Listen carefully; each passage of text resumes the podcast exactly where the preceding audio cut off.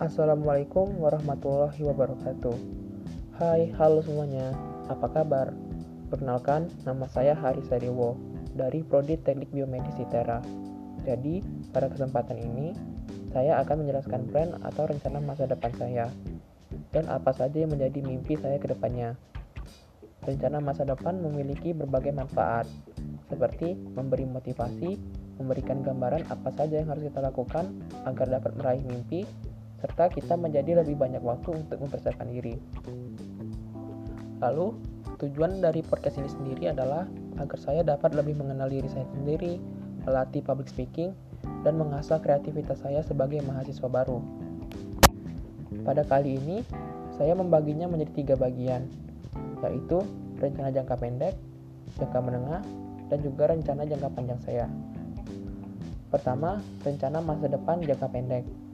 Pada bagian rencana masa depan jangka pendek, saya menargetkan tiga hal, antara lain, pertama, mengubah pribadi saya menjadi lebih baik lagi dengan cara memperbaiki pola pikir, serta menerapkan attitude yang lebih baik, mulai dari hal-hal yang kecil. Kedua, mengikuti kegiatan perkuliahan di kampus dengan baik.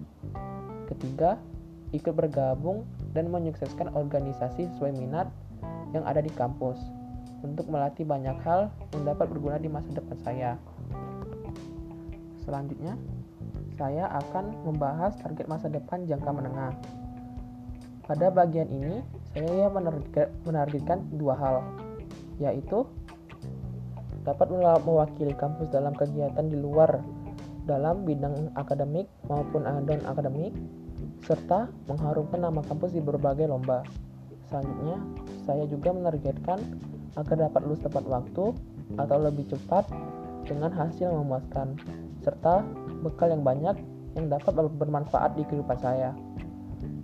Yang terakhir, target masa depan untuk jangka waktu yang lama. Pada poin ini, saya menargetkan beberapa, beberapa hal, antara lain, setelah lulus, saya harap saya dapat bekerja di tempat yang layak, yang di mana di tersebut saya dapat mengembangkan bakat dan potensi saya.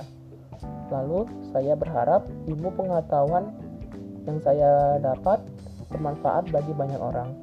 Serta yang terakhir, saya ingin tumbuh menjadi orang yang sukses dan semua impian saya dapat tercapai.